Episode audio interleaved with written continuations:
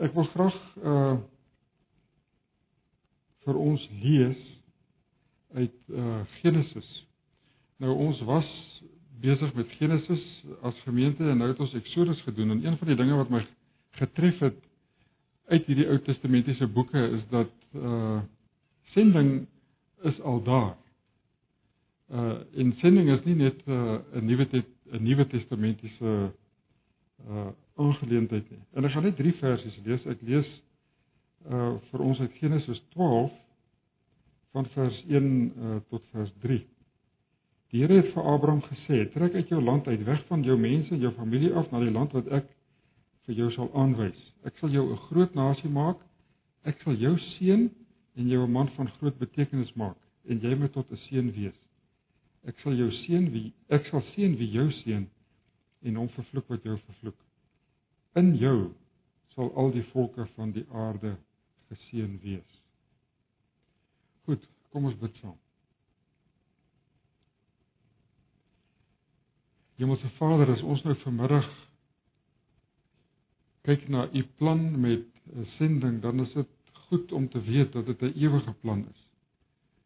Dit is nie 'n plan wat later van tyd na vore gekom het nie. Dit is 'n plan wat u van die begin af geweet het hoe u dit wil doen.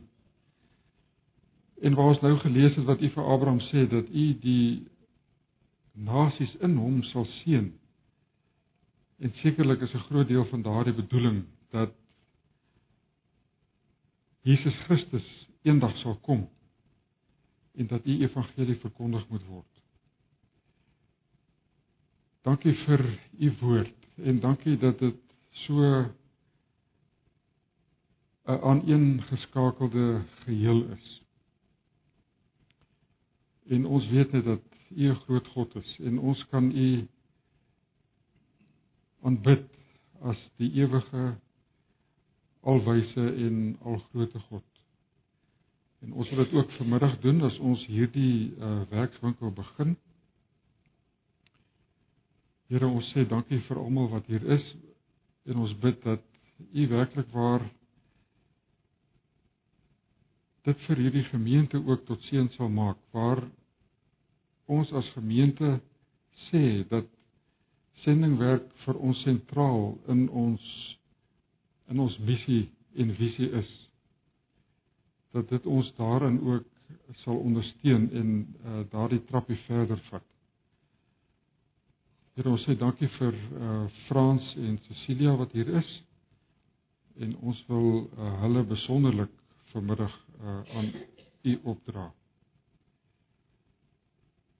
Ons is in u hande. En dis die plek beste plek om te wees. En ons sê dankie en bid in Jesus se naam. Amen.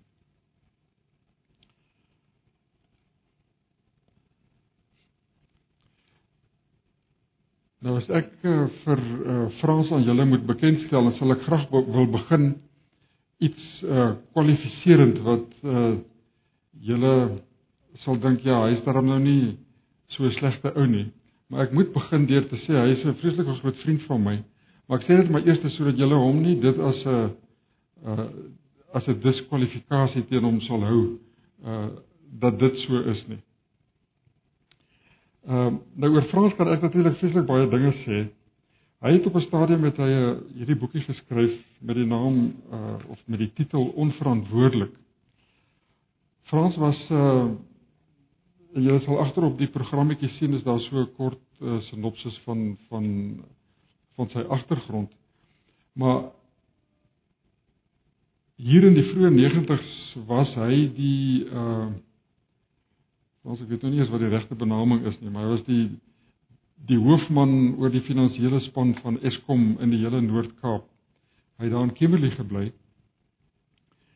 En hierdie boekie van daaroor wat hy vertel oor hoe die Here uh, hom geroep het. Nou ek weet nie, ek dink nie hy het 'n kopie van hierdie boekie saamgebring nie.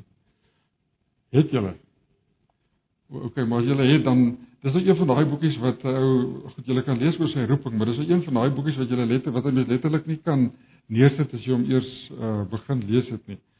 Uh, Hy's nogal goed uh, met met om woorde agter mekaar te sit op so 'n manier dat dit vir mense interessant is om te lees en en na hom te luister. Maar goed, hy was nou die uh die finansiële direkteur van Eskom op daai stadium en toe daar 'n klompie goed gebeur wat hom daarvan oortuig het dat die Here hom roep om voltyds sending toe te gaan. En dis hoekom hy hierdie uh boekie onverantwoordelik noem, want 'n groot klomp mense het vir hom gesê hy is totaal onverantwoordelik om dit te doen. Hy het 'n vrou, hy het 'n huis, hy het drie kinders en hy het sy kantoor deur agter hom toegetrek. Hy het bedank daar was geen finansiële steun meer nie en hy het volledig uh, in die geloof uh, uitgestap. Nou goed, vandag gaan nie daaroor dat hy ons uh, oor daardie gedeelte inlig nie. Hy sal miskien vir geleentheid net een of twee goedjies laat val. Maar ek dink vandag is dit iets wat uh voorop staan. Hy het uh met sy finansiële graad wat hy aanvanklik was hy onderwyser en met sy finansiële graad wat hy by Stellenbosch gekry het, het uh, Potchefstroom toegelaat om 'n honeurs in teologie te doen. En van daar af het hy verder gegaan. Hy het toe later aan 'n M en 'n en ook 'n PhD by by uh Universiteit Vryheid gedoen. Hy het 'n sendingorganisasie gestig. Uh en later van tyd het hy uh die plan ook op die been gebring. Frans, ek dink nie jy's meer by uh Pro Christo die sendingorganisasie betrokke nie. Goed, so dit is uh Frans in 'n netedop, maar julle kan gerus as daar as ons nou breek vir tee en so dan kan julle gerus ook 'n uh, bietjie met hom gesels. Dit is natuurlik vir my persoonlik 'n baie groot voorreg uh, om hom hier te hê. Cecilia is al vir uh, 9 jaar Frans regterhand. Sy het uh hom as ek dit nou reg het ontmoet toe hulle nog toe hy nog by Pro Christo was, die sendingorganisasie in Kimberley. Sy het daar ingeskakel. Uh, sy was op die personeel, sy daar ook self uh van die kursusse aangebied. Later van tyd was sy vir 'n jaar of 3 was sy in Indië as sendeling en sy het eh, daarna teruggekom en Frans se uh, persoonlike assistent geword. Uh wat sy nou al vir julle ruk doen. Goed, so dit van my kant af.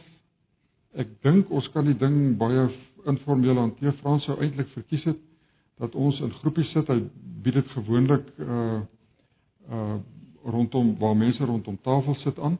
So per geleentheid sal hy vra dat twee wat langs mekaar sit of drie of vier wat lank naby mekaar sit net oor 'n vraag bietjie uh gesels en dan uh op die manier die kursus uh met ons doen.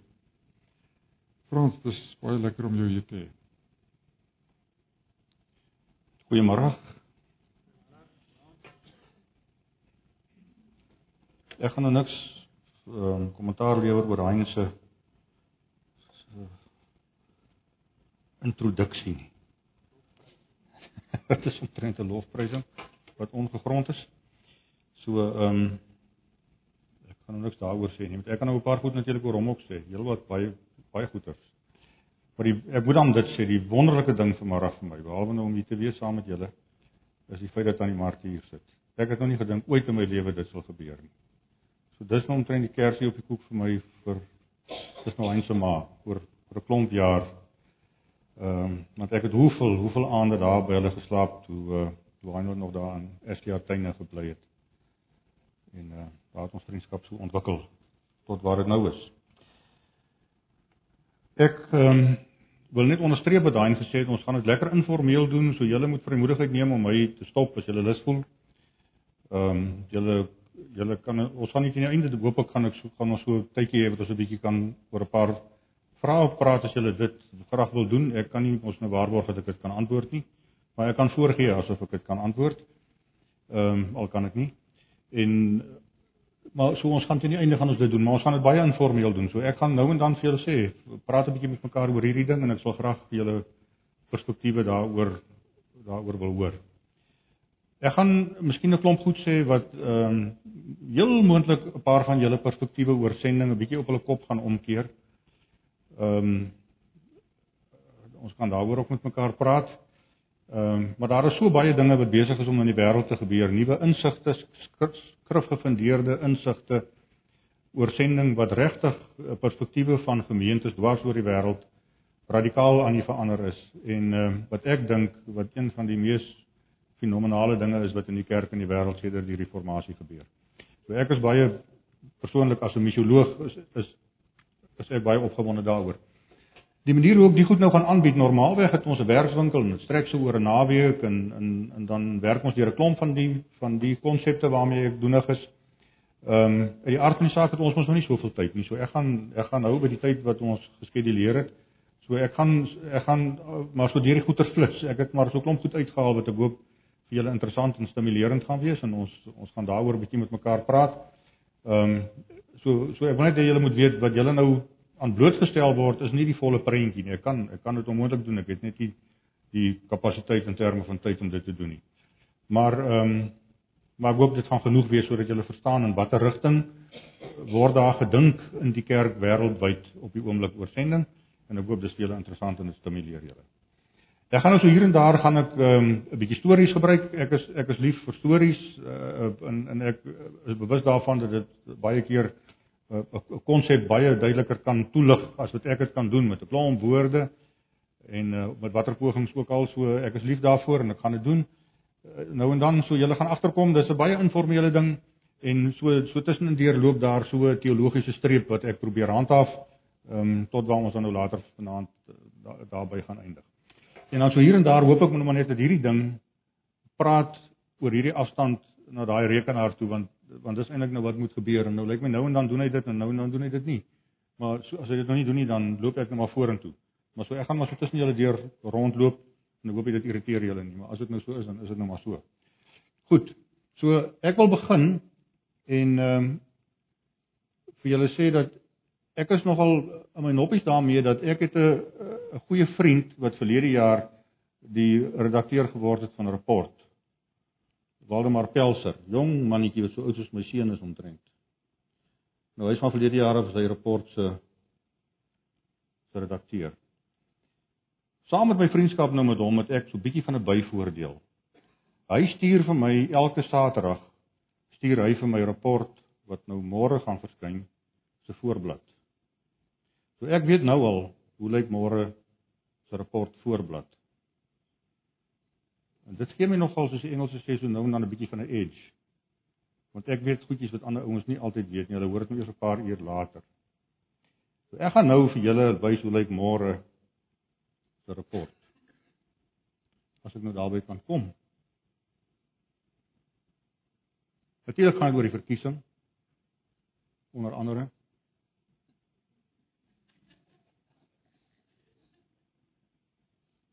Maar dis wat nou môre teen die paal sal staan hier in Pretoria. Is dit nou nie die waarheid nie? O. Dit is nou so nê. Nee. Dit is nou maar een van daai stories. 'n Mens kan nie koerante nie glo nie. Dis waar. nee, goed. Julle weet natuurlik dis nou nie waar nie. Dis maar sommer net so op 'n manier om julle aan die aan die ding te kry. Maar ek wil nou vir julle 'n vraag vra en dan moet julle nou so 'n bietjie met mekaar gesels so 2 2 of 3 3 of hoe dit ook al vir julle gemaklik en lekker is as hy nou net die loop wil neem dan sal dit hopelik gebeur een of ander tyd. Ek hoop dit gaan heeltyd so werk nie. Maar ek wil hê julle moet 'n bietjie oor daai vraag met mekaar praat. Gestel byvoorbeeld daardie koerantberig wat nou vals is. Gestel byvoorbeeld dit sou waar wees dat julle gemeente sy deure moet sluit om een of ander rede, maak nie saak oor watter rede nie. Die gemeente maak toe. Wie dink julle sal die meeste geraak word deur so 'n gebeurtenis as dit moes waar wees? Praat gou so 'n bietjie met mekaar, so net so vir 'n minuut of twee, dan sal ek graag wil hoor wat dink julle oor daai vraag. OK. Goed kan ek hoor wat dink julle? Julle moet nou nie dink ek is ek is dommerig, maar dit gaan ek gaan nou nog dommer klink klink in my want Louise sê vir my hulle maak nou 'n opname van wat nou hier gebeur. En blykbaar as julle mos nou praat en julle praat nie oor hierdie nare ding wat ek om my kop het nie dan kan die opname dit mos nou nie optel nie. So ek gaan nou ek gaan nou regtig elke keer dom klink deur te probeer herhaal wat jy vir my gesê het. Moenie dink ek doen dit normaalweg as mense met my gesels hieroor. Dis nou maar net toevallig dat ek dit nou moet doen. So, okay, kom ek hoor 'n bietjie. 1 of 2 3 indrukke wat jy kry of wat jy vir ons wil gee. Wat sou wat sou gebeur as dit waar is dat julle gemeente sy deure om een of ander rede moet sluit en die gemeente verdwyn net? Môreoggend as mense hier kom, ons hier 'n bordjie teen die hek wat sê nee, wie is op die verkeerde plek. Kry 'n ander plek. Wat? Bruidegom sal bruidegom sal baie hartseer wees as hy hier kom, want hy kom om sy bruid te ontmoet en sy gaan nou nie hier wees nie as gevolg van daai Stampe Koran berig. OK. Nog ander indrukke? Goed, OK. Julle julle diens van barmhartigheid wat 'n groot klomp mense se lewens raak. Ehm um, daai ontvangers uh mense wat die voordeel daai kry dat julle vir hulle liefde betoon, hulle gaan uit die aard van die saak swaar kry want dit gaan nie meer gebeur nie, want die gemeente is non-existent. Hy's nie meer daar nie. Nog Ek hoor natuurlik baie interessante goeters as ek die vra. Vra en vra hom altyd. Ek vra hom al 'n paar honderd keer. Miskien 'n paar duisend keer al voel dit my. En dan hoor ek nou baie keer daar's dan soms gemeentes wat vreeslik eerlik is en sê die arme dominee, waar op aarde gaan die siel van leef? En dan julle moet onthou hy het 5 kinders. Ek weet nou nie in julle geval nie. Maar gewoonlik is is mos manne wat groterige gesinne het. Hulle wat gaan daar gebeur? Hoe gaan Is dit? Ek het nou iewers gesien daar's een aan die kom. So ek weet daar's ja, ja. OK. So ek hoor baie keer sulke sulke soort van opmerkings waar daar nou so vreeslike blaatante eerlikheid is en dan soms sal mense vir my sê nou maar waartoe moet ons dan gaan? As ons nou môreoggend hier kom en die plek se deure is nou toe, waar gaan ons 'n ander gemeente kry want ons wil hier wees, nê? Nee, so ek hoor interessante reaksies op die op die op die kunsmatige vraag wat ek vra. Dankie. Ek gaan nou sommer nou en dan wys van daai ding werk tog nou nie. Dis interessant dat C.S. Lewis het daai opmerking gemaak wat ons nou al wêreldwyd bekend geword het want die die gemeente, die kerk van die Here is die een kan mens amper sê sosiale groepering van mense waar dit nie gaan oor hulle self nie. Dit gaan nie eerstens oor ons nie. So die oomblik as 'n mens daai vraag vra, dan moet jy begin dink, maar wat dan nou ehm um, wat gebeur weier in die gemeenskap? Nou ek gaan probeer om dit te illustreer deur 'n ware storie vir julle te vertel wat gebeur het en wat vir my baie aangrypend is en wat my baie geraak het. So jy kan vir ons na die volgende een toe gaan asseblief. Julle gaan 'n kaart sien van daai deel van die wêreld, jy gaan sien daar's Thailand en hieronder gaan jy sien is Indonesië. Nou jy kan vir my om nog 'n slaggie druk en dan gaan jy sien gaan daar so 'n swart kolletjie verskyn en ons sien nou 'n prentjie van Thailand daarbo en ons sien Indonesië onder. Nou die storie werk nou min of meer so. En jy moet mooi luister na die storie want dit dink ek som iets op, vat iets vas van dit waaroor dit gaan as ons praat oor die kerk. Ehm um, en dit kom vreeslik mooi geïllustreer deur hierdie storie na vore. Die storie gaan so, dis 'n man en 'n vrou wat in Thailand woon. Hulle is Christene en julle sal waarskynlik weet dat Thailand is is hoofsaaklik in in is 'n boeddhistiese land. So daar's nie verskriklik baie gelowiges daar nie en daar's baie baie min groot gemeentes. So dis klein huisgemeentetjies eh, primêr eintlik maar wat in die land bestaan. In Christene en gelowiges is nie baie volop nie. Hierdie man en vrou is gelowiges, hulle is mense uit Thailand en hulle kom tot geloof op 'n stadium En so gaan hulle lewe aan, hulle groei geestelik en op 'n stadium toe raak hulle oortuig daarvan dat die Here wil hulle gebruik en hulle stuur na Indonesië. Toe Indonesië is eintlik die land met die grootste moslembevolking in die wêreld, al daai klomp eilande, daaronder kan jy die statistiek sien. So, groot klomp eilande, groot klomp moslemmense. En hierdie twee mense van Thailand voel die Here roep hulle om die evangelie te bring aan die mense in Indonesië. Nou goed. Die volgende stap in die proses, soos wat dit nou maar gewoonlik met sulke sendelinge gaan, nou gaan besoek hulle gemeentes. En hulle vertel van hulle roeping, hulle vertel hulle storie en hulle sê vir die mense, "Wil julle nie asseblief as 'n gemeente vir ons bid nie? Ek kan nou sien hoeveel sendelinge is julle by betrokke wat op op so 'n manier werk. Ek het dit gesien, hy het vir my dit gestuur. So en ek weet julle het 'n groot betrokkeheid by 'n groot klomp mense. Maar op dieselfde manier kom hulle nou by gemeentes en dan vertel hulle hulle storie en hulle sê, "Bid vir ons en wil julle nie oorweeg om ons finansiëel te help om Indonesië toe te kan gaan nie?" So kom hulle uiteindelik by 'n baie baie klein gemeentetjie daar bo in Thailand. Die aard van saak is die gemeente soos ek mos nou sê eintlik maar normaalweg klein. So hulle kom by hierdie klein klein gemeente gemeentetjie wat in hierdie gemeenskap is. Dis 'n gemeenskap, jy kan aan die volgende een toe gaan asseblief Louise van van reisboere. Nou julle kan sien dis hoe dit effektief daar werk. Hulle hulle hulle boer nog op dieselfde manier waar hulle voorvaders geboer het. Hulle het 'n waterbuffel wat 'n houtploeg trek en so is hulle besig om rys te plant en dis maar die manier hoe hulle ekonomies oorleef. So hierdie twee mense kom nou by die gemeenskapie en hulle kom by die gemeente van reisboere en hulle vertel hulle storie hoe die Here hulle geroep het en hoe hulle Indonesië toe geroep voel om die evangelie aan die mense in Indonesië te bring. En toe nou klaar is, so sê hulle, goed, ons wil graag hê julle moet vir ons bid asseblief. En as dit sou wees dat julle voel julle wil ons finansiëel help om daar te kan kom en te oorleef, dan sal dit ook goed wees, ons sal bly wees. En so is dit toe nou weg. En hele ruk daarna sien hulle eendag toe hulle nou so deur hulle bankbesonderhede in state gaan, toe sien hulle maar hier is 'n bedrag wat inbetaal is wat eintlik 'n uitermate groterige bedrag is wat hulle oog vang. En toe hulle die bedrag nou kyk, toe kyk hulle waarvan af kom dit dan nou? En toe sien hulle maar dit kom dan van daai, kan ek nou maar amper sê armoedige gemeenskapie, 'n klein gemeentetjie wat daar in hierdie plattelandse rural omgewing reisboere is. Hoe hoe hoe is dit moontlik as 'n abnormale groot bedrag? Dit kan mos nie waar wees nie. En toe begin hulle navraag doen, is dit nie 'n fout nie? Wat het hier gebeur? Hoekom is dit so? En toe hoor hulle die storie. Want sien dit werk daar so, soos wat dit tot 'n groot mate ook in ons swart gemeenskappe werk. Hulle neem nie sommer net individuele besluit nie. So die gemeentetjie van gelowiges is mos nou deel van 'n groter gemeenskap, nê, van primêr boeddiste. Maar wat hulle toe gedoen het, hulle roep toe die hele gemeenskap bymekaar, almal in die dorpie.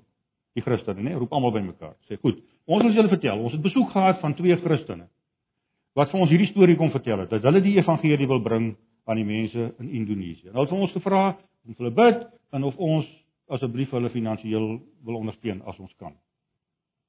En wat toe gebeur? Toe sê die gemeenskap, nou moet julle mooi hoor want dit is eintlik die hart van my storie vanmôre wat ek vir julle wil vertel.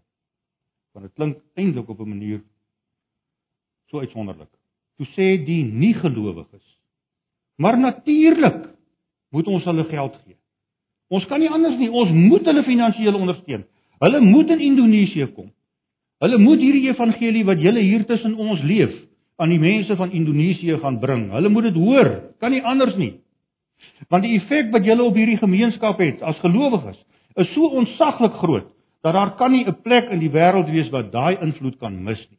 Kan bekostig om dit te mis nie. So ons moet hulle ondersteun om in Indonesië toe kom. Wat doen hulle toe? Hulle verkoop hulle karaba, dis die buffel, die waterbuffel, want hulle sê dis al wat ons eintlik het. Ons het twee kominale besittings. Die een is die is die houtploeg en die ander een is die waterbuffel.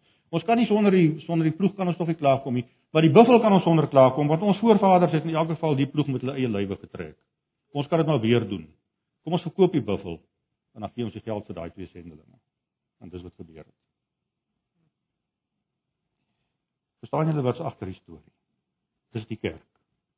Dis die Here se mense in die wêreld. Dat die ek het nou al baie keer dit gesê en miskien val dit nou ongemaklik op mense se ore maar ek sê dit simbolies.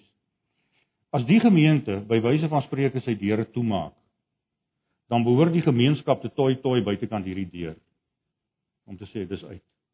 Julle maak nie hierdie plek se deure toe nie. Want die invloed wat julle in hierdie gemeenskap en ek weet julle kom nou oor 'n groot area, maar die invloed wat julle as gelowiges van hierdie gemeente in die gemeenskap het, is net onmisbaar groot. Ons kan nie sonder julle klaarkom nie. En natuurlik sal die individuele invloed sal mos nou nie verdwyn nie. Maar die kollektiewe invloed van die kerk moet die wêreld verander en transformeer. En dan praat ek nou nie in politieke terme aan ter van transformasie nie, allermins. Maar die kerk is hier om die wêreld te verander. En dit gebeur as ons iets verstaan van wat maak ons hierso. Goed, dankie. Kom ons gaan na die volgende skyfie toe. Nou ek sukkel 'n bietjie. Ehm um, ek sien sien sleg, sien baie swak. So julle moet ook nie verbaas wees as ek kan nie regtig julle gesigte sien nie. Dis nou maar ongelukkig so kan niks daaraan doen nie. So ehm um, ek probeer nou maar lifestyles op 'n ander manier lees. Vroeger kon ek, maar nou kan ek nie meer nie. So ek kan ook nie my styfies normaalweg is nader aan my, dan kan ek dit beter sien wat ek daar geskryf het. Maar goed, die vraag. Hoe dink julle? Kom ons praat 'n bietjie daaroor. Julle kan dalk weer so twee keer met mekaar praat. Hoe dink julle wat is die een enkele vraag waaroor die mensdom so deur al die eeue tot en met vandag praat? Die een vraag wat mense oor die algemeen die meeste bekommer, of jy nou Christen is of nie Christen, maak nie saak nie, wat mense in die algemeen die meeste pla. 'n Vraag waaroor mense wonder. Dink 'n bietjie daaroor en praat julle mekaar en wil graag hoor wat dink julle daarvan. Kan ek hoor? Wat dink julle? By die aardse sake is ons nou nie reg en verkeerd nie. Hoe sal ons nou weet? Ons vermoed maar. Ek het nou al 'n bietjie daaroor gelees en ek dink daar's daar's redelike konsensus dat dit gaan min of meer in die rigting, maar ek wil graag wil hoor wat dink julle sê? Sin en betekenis van die lewe. Klink nie vir my te sleg nie. Nog ander idees dalk? Wat gaan van my kinders word? Hm. Dis miskien amper meer by ons bekommernis deesdae as op ander plekke dalk nê, maar dis 'n baie relevante ding om oor te wonder. Ja. Is dit waar dat daar 'n lewe na die na die lewe is? Na die dood is? Nog ander idees? Tot nie vreeslik baie vrae nie. Ek dink ek dink uh, in in julle vrae is nou mooi gekonnekteer met mekaar en ek in daai vraag oor mense kinders uit die aard van die saak is is dit lê 'n bietjie op 'n ander vlak, maar dis verseker 'n baie geldige en 'n baie relevante vraag wat ek dink ons almal kinders het oor oor gedurig dink. Maar dit lyk vir my mense sê dat die vraag wat eintlik die mense meeste in die wêreld deur al die eeue bekommerd is, die vraag van wat is die sin en betekenis. Wat maak ek hierso? Hoekom is ek hoegenaamd hier? Hoekom haal ek asem? Hoekom lewe ek? Hoekom gaan hoekom lewe ek nou nog? En hoekom is kom daar 'n tyd wat ek nie meer lewe nie? Wat op aarde is hier aan die gebeur? En dan gaan dit nou 'n bietjie verder. Dankie as jy daai volgende kan jy maar daar's 3 van hulle is al drie klaar dan kan jy net daar so so los. En ek dink dan wat noodwendig met met daai vraag gebeur dat as ons as gelowiges met daai vraag begin worstel en daaroor wonder, dan begin daai vraag outomaties ook deel word van die vergelyking. Ons begin daai ding ook vir mekaar op stadiums vra, maar waar is die Here in hierdie hele prentjie van dit wat eintlik besig is om in die wêreld te gebeur? Waar is die Here in die hele prentjie van wat die sin en betekenis van dit alles is wat aan die gebeur is? Het die Here hoegenaamd 'n plan en wat wat doen die Here? Waar is hy? Nou ek was verlede verlede week was ek in Botswana gewees en ons het so 'n werkswinkel gedoen met met 'n met 'n klomp verskillende gemeentes daar aan die suide van Botswana. En ek het nou vir hulle ook die vrae gevra, nou moet ek sê dit raak seker vir die arme mense moeilik as hulle hierdie boere uit die Noord-Kaap hoor met sy Engels, ek meen is nie eers vir hulle hulle eerste taal nie, maar nou wil dan weet hoe kommunikeer ek en hulle met mekaar. Dit gaan maar stywer stywerig. Maar nou ja, nou om oor sulke goeie soos daai met mekaar te praat, as ons mekaar eers lekker verstaan nie. Maar die vraag op die ou end wat mens mos nou nie van kan wegkom nie. As ek vertel toe vir hulle, ek sê ek het so tyd gelede het ek 'n boek gelees oor die uh nazi strafkampe in die in die Tweede Wêreldoorlog. En ek meen julle weet net so goed soos ek, wat 'n onsaglike gruisame stories is dit wat uit daai strafkampe kom en wat goed gedokumenteer is en wat waar is en wat naar is om te lees. Dan lees 'n mens dit of ek lees dit en dan dink ek, waar is die Here? En daai vraag is deur deur daai kampbewoners baie keer gevra. Waar is die Here in die prentjie? Ek meen, Dis daarom Jode, hulle, hulle, baie van hulle daarom nog in God geglo. Maar waar is die Here? Is hy nou hoegenaamd betrokke daarbey? En as 'n mens byvoorbeeld nou daaraan dink sommer net in vandag se tyd dat terwyl ons nou hierso so sit en julle hier sit en ek hier staan, is daar waarskynlik nou mense wat Christene is wat in die Sentraal-Afrika Afrikaanse Republiek hulle lewens verloor of in die suide van Sudan of in Sirië. Dit gebeur regdeur elke dag gebeur dit so. Dat gelowiges hulle lewe verloor. Nou wat doen die Here dan? Waar is hy? Hoekom doen hy nie iets daarin nie? Hy kan mos dan seker as hy wil. Hoe werk dit? Wat is besig om te gebeur? Het die Here 'n plan of gebeur goed nou sommer so half luk raak op 'n manier en dan het ons een of ander manier hoe ons rasionaliseer daaroor en sê, "Ag, wel, die Here is in beheer, maar daar kom daar kom iets beter daar uit of wat ook al. Ons kan ons 'n klomp goed uitdink. Ons het mos goeie retoriek so onder mekaar as gelowiges baie keer wat ons ons mekaar mee troos of hoe? Hoe werk die goeters? Ek vra daai vraag, het die Here 'n plan? Nie vir honderde mense nie. Ek het al vir duisende mense gevra die afgelope 10 jaar miskien. Nie net hierdie, ek vra dit vir ouens wat op dams bly in Indië en ek vra vra dit vir sofistikeerde mense wat in Engeland bly en ek vra dit vir ouens in België en Frans Suid-Afrika en ek vra dit in verskeidenheid van gemeentes. Ryk, arm, sosiaal, waar ook al, dis nie die punt nie. Vra daai vraag. Het die Here 'n plan? Want dis my interessant. Ek wens ek het statistiek gehou daarvan, want as ek daai vraag vra, dan kry ek onder gelowiges altyd die die die die reaksie dat mense sê die Here het 'n plan. Ek het nog nooit iemand gekry in al hierdie tyd en dit moet sukses baie duisende mense. Ek het nog nooit iemand wat sê nee die Here het nie 'n plan nie. En dan sê ek vir hulle ehm um, nou hoe hoe kan ons die Here se plan ken? As hy dan nou 'n plan het, is dit 'n geheime plan of of kan ons weet daarvan of wil die Here vir ons dit op 'n manier op openbaar of gaan hy eendag vir ons sê O, oh, ek is jammer julle kon nie eintlik agterkom wat die plan is nie, sou julle baie gehelp het as julle geweet het. Of hoe gaan dit werk? Wat wat is daar nie gebeur? Dan sê mense nee, nee hulle dink nie die Here se plan is seker daarmee geheime plan nie. Hy wil seker graag sy plan openbaar aan ons. En dan vra ek vir mense, die aard van die saak nou maar jy, jy, jouself. Weet jy? Weet jy wat die Here se plan? Weet jy hoe werk dit? Wat is dan nie gebeur in die wêreld? Ten spyte van al die swaar en die lyding en al hierdie goed. Weet jy wat is aan die gebeur in die wêreld? Waarmee is God besig? En dan is dit nogal vir my verskriklik verontrustend as ek nou maar die woord kan gebruik. Hoe groot persentasie van toegewyde gelowiges sê, ek weet nie, ek verstaan nie regtig nie. Maar op 'n manier het ek bereid verbygekom in my lewe. Ek gaan aan my lewe doen wat ek moet, ek voel ek moet doen en, en dis dit, maar ek verstaan nie regtig hoe dit werk nie. En dis op 'n manier jammer, nê, veral in 'n gemeenteverband voel dit vir my is dit verskriklik tragies as 'n mens so antwoord moet gee en sê Ons weet eintlik nie waarmee die Here besig nie. Ons weet eintlik nie hoe hy ons wil gebruik nie. Ons verstaan nie waarheen hy op pad met sy skepping nie. En uh, maar ons is nou maar hier so. Ons gaan net maar so aan. Jammer, as dit so is. Hm? Nee. Om liefde, ja. Dis reg, natuurlik. Ja. Dis waar. Maar jy moet dit Jy moet dit binne die perspektief van van dit wat die Here vir ons openbaar in sy skrif verstaan, né? Nee, jy kan nie net daai versie so vat en hom so uit konteks gaan haal, net so lees en dan maak dit nie sin nie. Soos die meeste van die goed in die Bybel. Goed. Kom ons gaan aan. Volgende volgende skyfie.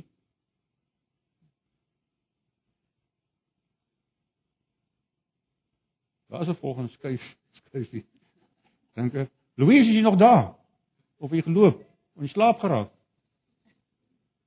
Kry my aan Annie. Ek beloof julle daar is daar is nog 'n paar skuifies wat kom. OK, maar in elk geval terwyl sy worstel, uh, dis goed as sy worstel, ons worstel hier. Ek dink die volgende skuifie wat ek nou sou vir julle gewys het. Ek sou vir julle gesê het dit ek vermoed as 'n mens oor God se plan praat, want dis 'n bietjie waaroor ons gaan praat vandag. As ons oor God se plan praat en waar 'n gemeente wil ek amper sê vanuit die ons verstaan van die skrif inpas by God se plan. As ons na daai prentjie kyk, dan lyk dit vir my dat gelowiges kan eintlik primêr op twee maniere met God se plan worstel. Die een is hy's weg. Die een die een manier is ons kan ons kan nou ek het nou ek het nou toe ons aan in in Botswana was het ek probeer om dit te demonstreer en ek kon dit nie nou doen nie want ek het nie met my kar hiernatoe gekom nie. As jy ek het so 'n ding uit my kar se dak uitgeskroef, sommer so 'n vreeslike vreemder geskroewerige ding. Ek het 'n Jeep en jy kan die ding se dak afhaal so uit so snaakse skroef wat so in die dak inskroef om dan seker te maak die dak bly bo. Nou daai ding het ek uitgehaal en en toe ons nou daar binne in die saal staan, dis die regte skyfie, toe toe wys ek vir hulle die ding en ek weet mos nou voor my siel, die arme mense het nie 'n kans om te weet wat se ding is dit nie. En ek sê wat se ding is dit? Nee, hulle weet nie. Hulle een het nog 'n raai enige ding is 'n spyker wat jy papiere so indruk en ek sê nee, gelukkig is dit dit nie. En so het ons nou 'n bietjie gepraat oor die ding. Toe sê ek vir hulle, "Wie julle hoekom julle nie weet wat se ding is dit nie? Want julle kyk net na die ding. Al wat ek vir julle wys is net die ding." Dis 'n klein prentjie, dis 'n onvolledige prentjie wat julle sien en op grond daarvan het julle eintlik nie 'n kans om te weet waar pas hy nou in die groter gehele nie. Maar as julle saam met my stap net hier om die saal staan met Jeep, dan gaan ek vir julle wys waar kom die ding vandaan. En dan gaan julle verstaan wat sy funksie is en wat sy doel is en wat sy werk is en wat doen hy eintlik. Maar jy kan dit net verstaan as jy die groter prentjie sien. En dan daarvan af maak daai ding sin. Dan sal jy nie meer sê dis 'n ding wat jy papiere indruk nie, nê. Nee. OK, dieselfde lyk dit vir my as ons werk met God se groot skepingsplan en met God se groot werk in sy skepping en sy groot werk met en deur sy kerk. As ons na 'n klein prentjie kyk en ons kyk na 'n gebeurtenis of soos die Engelse sê, is my so lekker event. Kyk net na 'n event, 'n ding wat skeef of sleg geloop het of 'n goeie ding, maak nie saak nie, maar ons kyk net na daai spesifieke gebeurtenis. Dan kan ons baie maklik hierdie ding uit perspektief laat raak, omdat ons nie die groter prentjie in gedagte het nie. En ek weet julle is goed onderleg in die skrif, ek weet dit baie baie goed, ek kry genoeg breek stories oor julle gemeente, ek kan nie anders nie, ek hoor dit gedurig as ek met daai praat. So ek verstaan dit. So julle julle verstaan die groter prentjie, ek weet dit. En as 'n mens met die skrif werk, presies dieselfde ding. Ek het ek het nou die dag het ek vir iemand gesê as jy nou die hele storie van nou Eli se seuns gaan lees en dan een Samuel en jy gaan al net daai stukkietjie uit waar waar waar waar die Here nou besig om te sê wat gaan hy nou doen met Samuel ag met Eli se seuns. In in in Samuel vertel dit nou vir Eli. En jy lees net dit uit konteks uit. Dan kan jy nie anderster as om te begin dink, "Wow, as dit die perspektief is van God se karakteristikke, nê. Nee, dis hoe God is. Dis sy attribute. God is eintlik iemand wat wat regtig eh, wat mense net van die van die aarde afvee as hulle as hulle nie as hulle nie heilig is soos wat hy is nie. En jy kan 'n perspektief van God kry van een wat kwaad is en wat wil vergeld en so aan. En natuurlik is die Here heilig en natuurlik is dit wat daar gebeur het, is reg en dis waar, dit het gebeur. Maar dis nie die volle prentjie nie. Jy kan baie baie maklik God se se se groot genade en sy empatie met mense en sy deernis met sy skepping en sy mense kan jy heeltemal heeltemal verloor as jy net na daai eng een gebeurtenis kyk en jy en jy sien dit nie binne die konteks van die groter prentjie nie. Nou dieselfde met God se plan.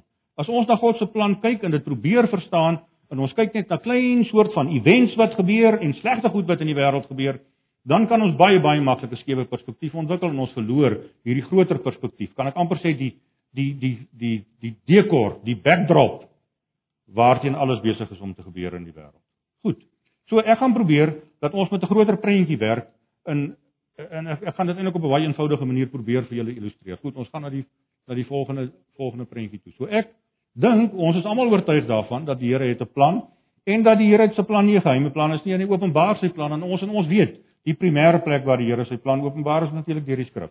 So daar's nie 'n ander verwysingsbron wat ons gemaklik na toe wil teruggaan om te sê maar kom ons kyk of ons kan agterkom hoe lyk die groter prentjie.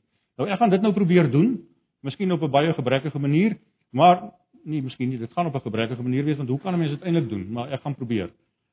Nou wat ek probeer sê daar is as ons begin kyk na die groter prentjie van God se plan, dan wil ek dit dankie gaan gaan ek dit probeer doen aan die hand van wat ek nou maar noem vier groot kosmiese gebeurtenisse.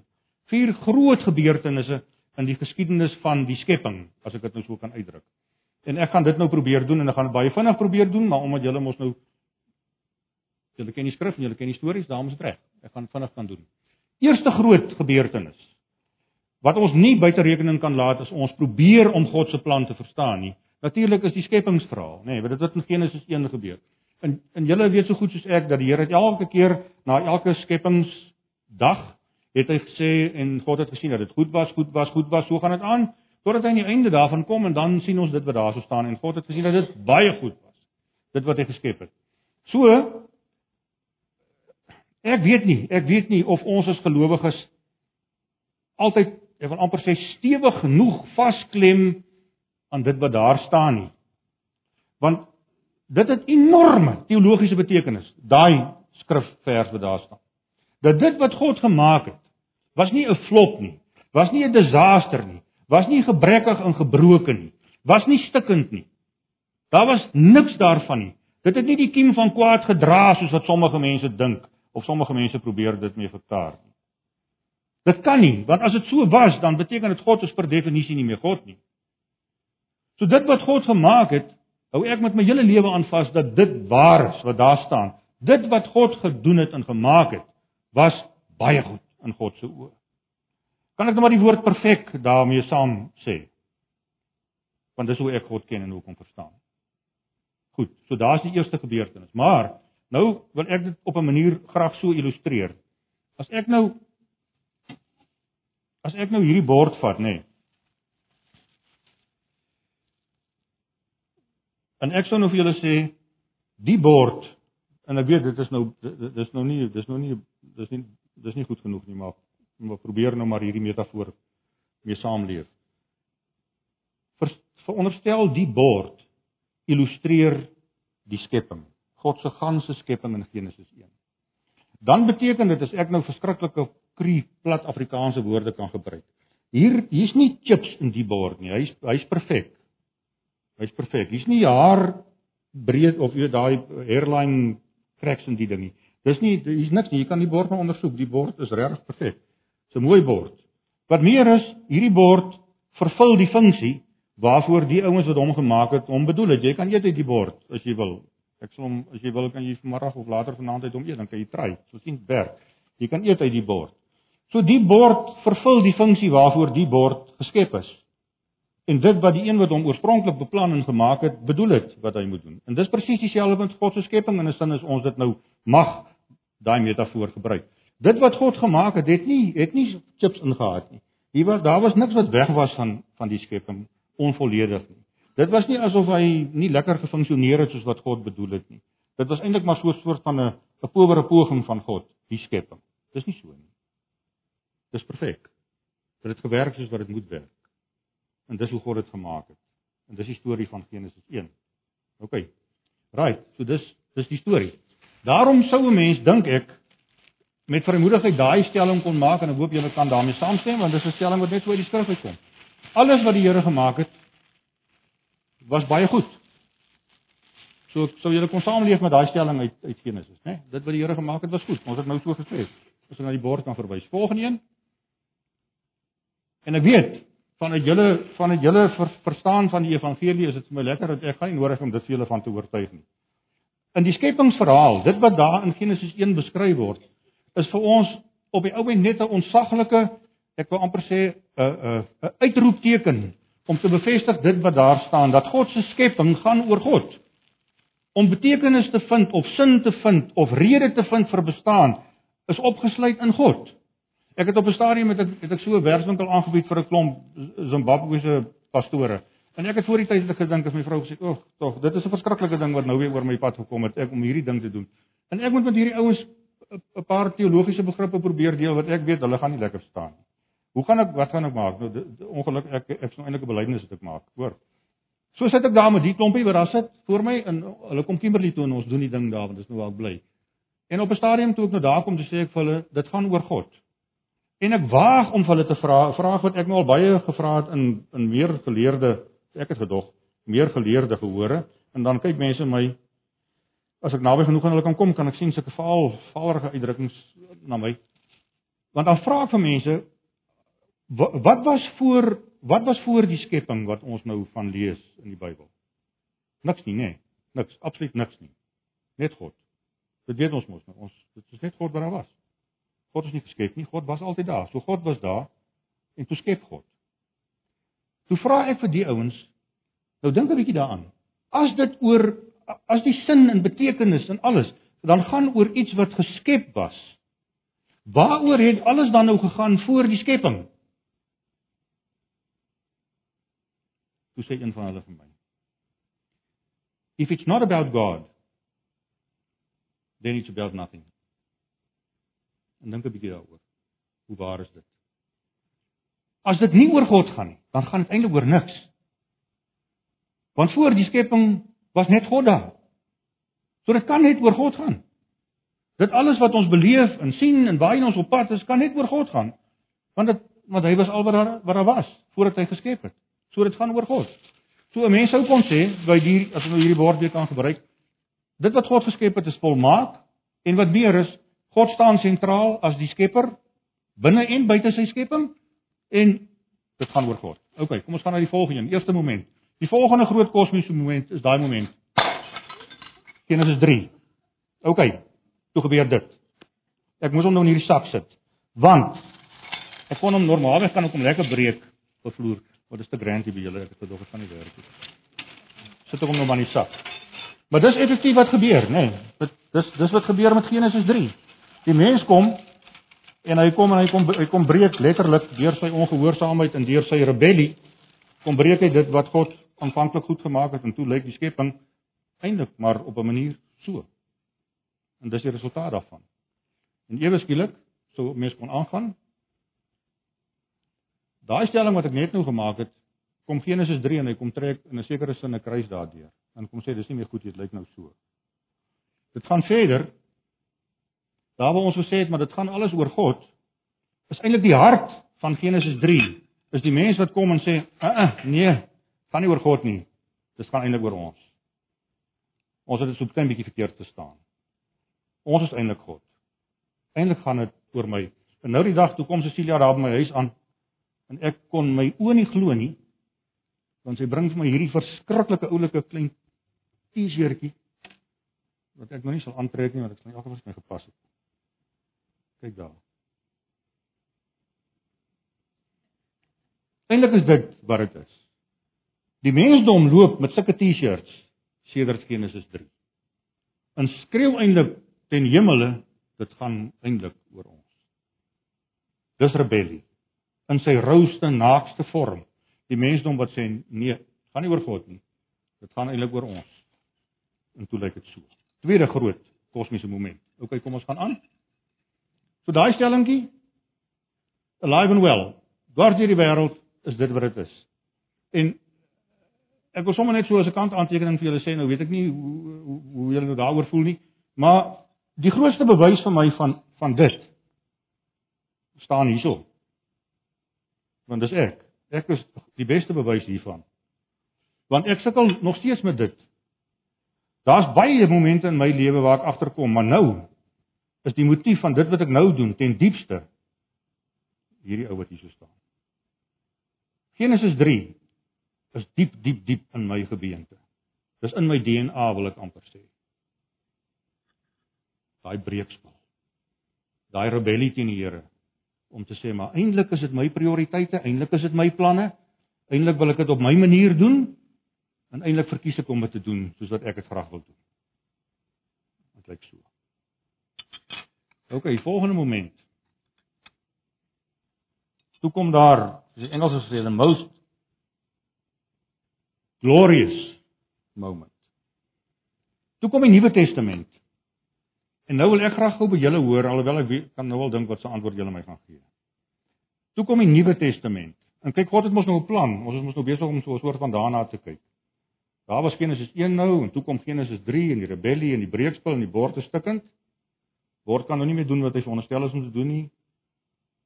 En ek ons loop so tussen die stukke deur. Maar toe kom toe kom die Nuwe Testament nou gelukkig. So wat toe nou gebeur tot die Nuwe Testament kom, toe maak die Here 'n ander plan.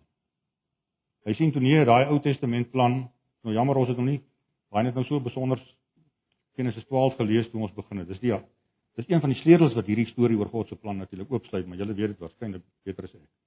Goed, maar nou kom ons by die Nuwe Testament en toe maak die Here nou 'n nuwe nuwe plan want die, die die plan tot daar het nog nie lekker gewerk nie. Dit was dan nou 'n mislukking. Dis dan nou dit lyk dan nou so.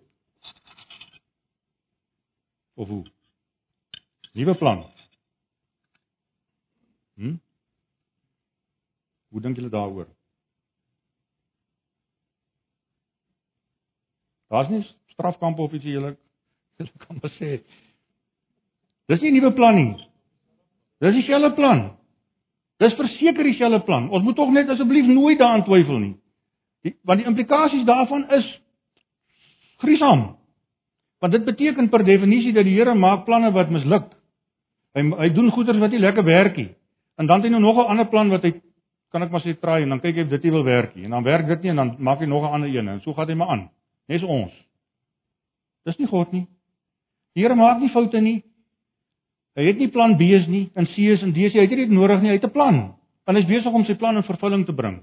En soos wat hy hom in vervulling wil bring, so sal hy hom in vervulling bring. En daar is nie ander planne as dit nie. So die Nuwe Testament, ek het op 'n kol aan Kimberley sit te luister ek na 'n jong dominee wat ek wil nou nie sê waar hy geswat het, liewer nie. Maar hy preek en hy sê dit.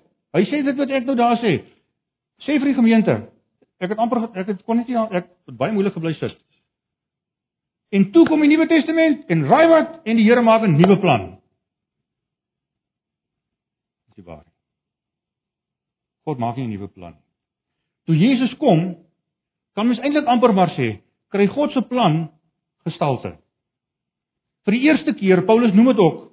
Hy praat van daai plan van God wat vir 'n lang ruk eintlik 'n plan was wat nie sigbaar was vir mense nie, nê. Nee amper soos wat op 'n manier in die Ou Testament tog 'n bietjie van 'n geheimsinnige plan was. Hulle het nie mooi lekker verstaan nie. Hulle het geweet die Messias kom, maar hulle het nie die volle prentjie daarvan gehad nie. Ons is bevoorreg in die sin dat ons kan nou terugkyk.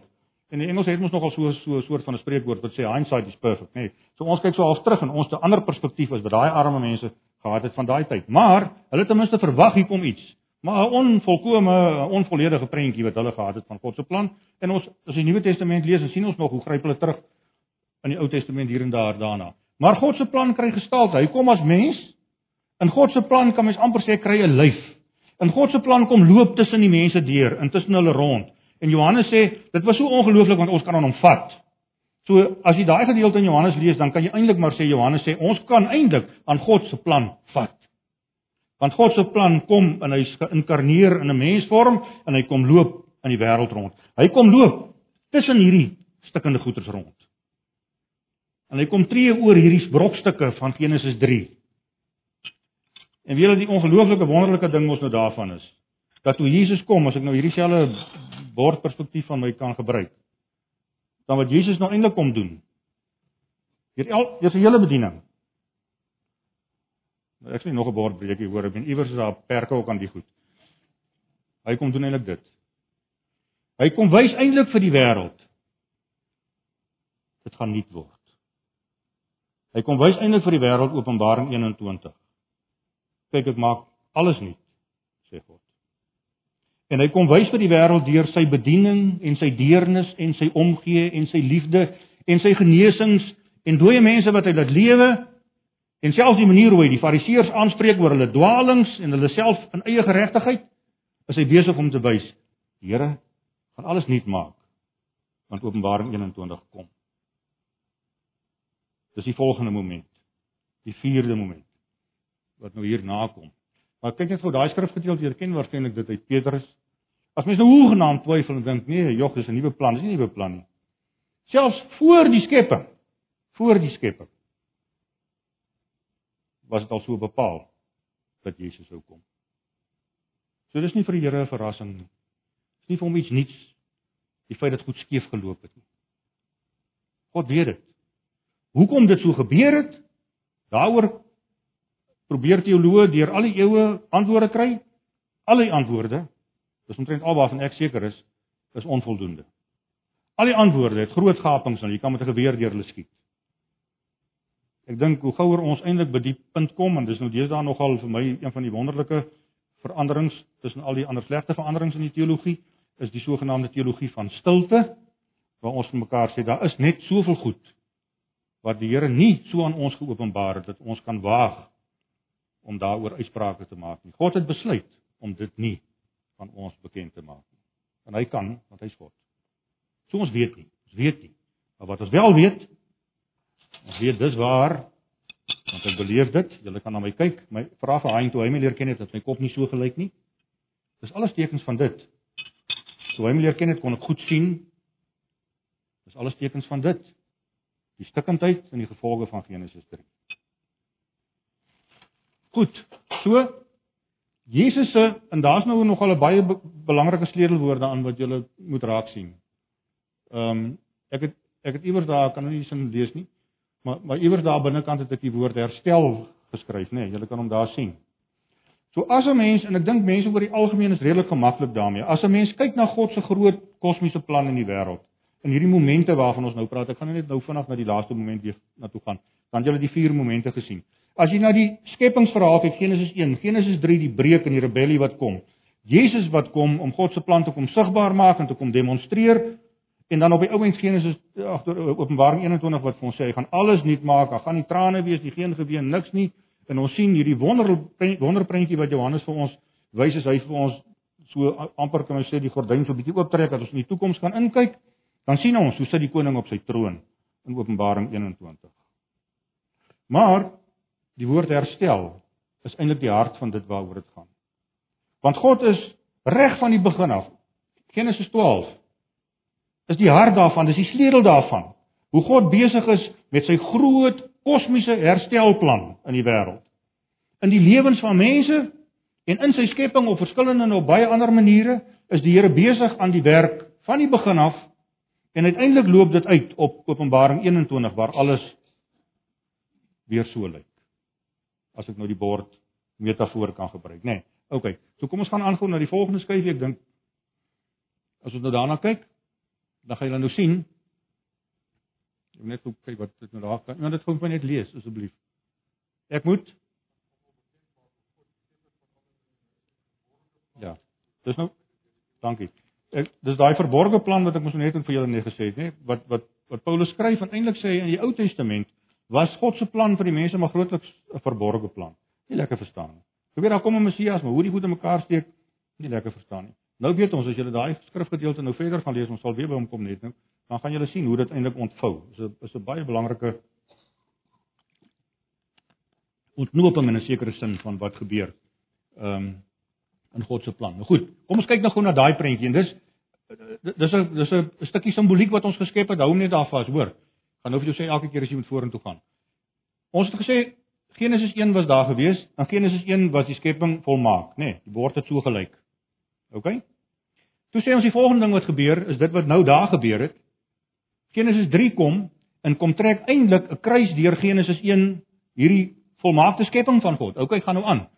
Asseblief. So wat toe nou gebeur? Eintlik waarmee ons toe, kan ek nou maar sê opgesaal sit van toe af, is Genesis 3 en sy gevolge. Die rebellie van die mens teen God te sê ek wil eintlik God wees, nê. Nee, dis waarmee ons saamleef. Dis hoekom dit so lyk. Sikken. OK. Maar toe kom Jesus en kyk nou wat nou gebeur. Simbolies. En dit het mos 'n enorme betekenis. Waar die Satan deur Genesis 3 probeer het om 'n kruis te trek, so 'n kruis, kan ek amper nou maar sê, deur God se volmaakte skepingswerk, kom Jesus in hierdie moment wat hy die aarde betree en kom trek God baie sigbaar so 'n kruis deur Genesis 3. Nou leef ons nie meer nou leef ons nie meer onder hierdie verskriklike bewustheid van die stikkindheid. Natuurlik is dit nog hier. Maar ons is nie sonder hoop nie, soos Paulus sê. Ons lewe met hoop want ons weet dit kom. En dis die groot verskil tussen ons en ander mense in die wêreld wat ongelowig is. Ons verstaan iets van 'n groter kosmiese prentjie. OK, so kom ons gaan aan na die volgende skyfie. En as jy nou nie as 'n mens nog nie kan raak sien dat oor daai stukkie simboliek wat ek daar geteken het, staan die woord herstel groot en duidelik en helder nie. Dis God se groot herstelplan in die wêreld wat op so 'n manier sigbaar word toe Jesus kom en sterf en deur sy kruis 'n kruis kom trek deur Genesis 3. OK, kom ons gaan aan. En natuurlik, toe hy daar hang en hy sê daai woorde, dit is volbring. Wat het eintlik kom wat het eintlik kom doen? Dit waarvoor hy gekom het is nou volbring. Hy hy het vir die wêreld eintlik kom wys. Openbaring 21 kom. OK, ons gaan hom probeer klaarmaak tot daar kom ons gaan vorentoe. Ek dink oor daai woorde van Jesus kan mens herstel net so lekker skryf. En dis wat dit is. OK, nou as jy na daai prentjie kyk, dan gaan jy nou sien dat wat ek probeer wys daarmee, jy kan maar weer die ding druk. Dat daar is Openbaring 21 21 op die kant. En wat ek probeer sê het is dit wat Jesus kom doen het. Dit wat Jesus in sy bediening kom doen het, ons sal nou nou gou vinnig weer daarna kyk. Is eintlik besig om vir ons heen te wys na dit. Na Openbaring 21 wat kom. En ons sal Dis 'n baie interessante Bybelstudie as jy op 'n kol wonder wat jy kan doen. Is dit nogal baie interessant ons kyk net gou net so vinnig weer daarna verwys.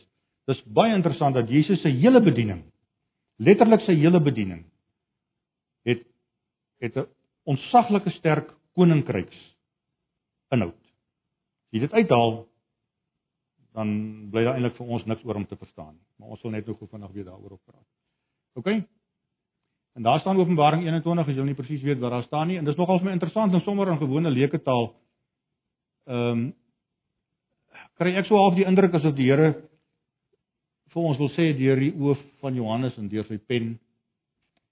Julle kan my maar en verskoon nou die die plat manier waarop ek sê julle kan my maar opcheck. Dit gaan waar word. Julle kan dit maar neerskryf. Dis wat daar staan, hè. Julle kan dit maar neerskryf sodat julle dit nie vergeet nie. Julle moet dit neerskryf sodat julle nie elke dag vir julle vasloop en vir 'n weer voel deur dit nie. Julle moet dit neerskryf sodat julle kan glo en kan weet dit kom. Ek maak alles nuut. Ek maak alles heel. En as ons dit nie het nie, dan verstaan ons niks van God se plan nie. Goed, ek gaan nou hierso stop by daai punt. Ehm um, dis 'n goeie plek om te stop. Ons kan net daar so stop. Maar kan ek dan net opsom hierdie eerste sessietjie wat ons nou gepraat het? Ons gesê, as ons net na 'n klein elementjies kyk van goed wat gebeur rondom ons, dan kan ons baie baie maklik perspektief verloor. Om regtig perspektief te hê, moet ons gaan kyk na die groter toneel, die groter prentjie. En die enigste bron wat ons daarvoor het, is dit wat die Here deur sy woord aan ons openbaar. En hy vertel vir ons in sy woord hoe hy alles volmaak geskep het in Genesis 1. En dat dit oor hom gaan en dat hy sentraal staan en dat hy die een is wat die eer en die heerlikheid en die lof en die aanbidding werd is en waardig is. En toe, na hoe lank dit nou ook al was, hier kom die mense en hy kom sê nee nee nee nee, dis eintlik nie hoe ek dit graag wil hê nie. Hoe ek eintlik graag wil hê is dat ek wil eintlik graag God wees. En sommer net terloops, dis interessant dat die mens volg presies die voorbeeld in Genesis 3 wat die Satan iewers van tevore al reeds gedoen het, nê? Nee. Want dis mos wat die Satan ook gedoen het. Hy het gerebelleer teen God, hy en sy gevalle engele, en gesê nee, eintlik wil ek God wees. So hierdie ding, daai gif, daai sonde, daai gebrokenheid loop van deur af dwars deur die geskiedenis en dit sal loop totdat ons hier kom en alles heel is. Nê. Nee, so dis Genesis 3. Daai stukkendheid wat daar kom. En toe kom ons nou sê, maar eintlik is die grootste gebeurtenis van alle tye is dit wat gebeur die derde ene, toe Jesus kom en toe God se plan, kan mens amper sê met 'n lyf en 'n vel na die wêreld toe kom. En mense aan hom kan vat en hom kan sien. En God is se plan kan mens amper sê is geïnkarneer hier tussen ons. Nie gereïnkarneer nie, geïnkarneer hier tussen ons. So dis die derde groot moment. Die vierde groot moment wat op, wat nou nog kom. Daarna sien ons nou uit is Openbaring 21 wanneer die Here alles nuut sal maak. En daar nie meer 'n traan of niks sal wees nie en alles weer volmaak sal wees soos wat hierdie bord is. Nou wil ek net vir julle sê, as 'n mens net bloot teologies daarna kyk. Ek waag dit want ek praat ek praat baie met teoloë en ek ek is so ek het so, so verbintenis hier met Vryheid Universiteit.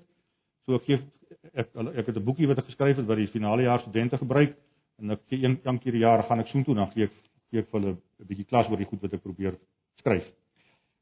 En elke keer as ek met hulle praat dan sê ek vir hulle as en dit klink so verskriklik eenvoudig en op 'n manier is dit so verskriklik eenvoudig.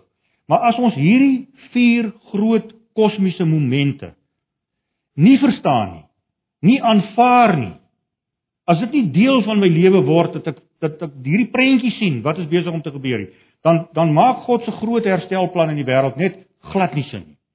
En as ons nou tyd gehad het, moet jy kan nou daaroor gaan dink 'n bietjie. As jy enige een van daai vier pilare, noem dit nou maar so, vier sleutels uit hierdie ding uit gaan haal, uit hierdie groot verhaal, dan val alles plat. As dit nie waar is nie, dat Openbaring 21 weer kom, dat God alles nuut maak nie. Wat sê ons vir mense? Wat verkondig ons? Wat se goeie nuus is daar? Daar's niks. Want dit gaan nou sleg met jou en dit sal vir altyd met jou sleg gaan. Dis al wat ek jou kan waarborg. Dis hoe dit is. Dis hoe hierdie skepping lyk. Dis hoe hierdie God lyk wat hierdie plek geskep het. So lyk dit. Stikkend, soos daai bord. En so sal dit altyd wees. So haal Openbaring 21 uit, dan lyk dit so. Dan het ons so 'n boodskap vir die wêreld. Haal Genesis 1 byvoorbeeld en dan gaan ons daarmee stop. Haal Genesis 1 uit die prentjie uit, dan praat ons van 'n God wat wat nie 'n God is nie. Wat nie die vermoë het om volmaak te kan skep nie. 'n God wat op 'n manier eintlik verras word deur mense se deurbarstigheid en se rebellie teen hom. En wat geen beheer daaroor het nie. Wat eintlik beheer verloor het oor sy skepping. Tragies. Die skepping raak groter as die Skepper. Dis die verhaal. As ek Genesis 1 nie vasvat nie. In Genesis 3 hoef jy daaroor te twyfel nie want ek sien dit in julle en julle kan dit aan my sien. Dis in ons lywe die gebrokenheid en die stikkindheid en ons hoor dit van kanker en kinders wat doodgery word en allerlei goed rondom ons elke elke enkele dag. Dis die gevolge van dit. En die feit dat Jesus gekom het, as dit nie daarvoor was nie, ons moes nou hier gesit nie, want ons moet ons nie 'n storie gehad nie. Dan ons geen kan ek amper sê demonstrasie gehad wat vir ons sê daar's waarheid in Openbaring 1 vier groot kosmiese momente. Right, kom ons weet nie hoe lank breek ons om wat te doen. OK, right.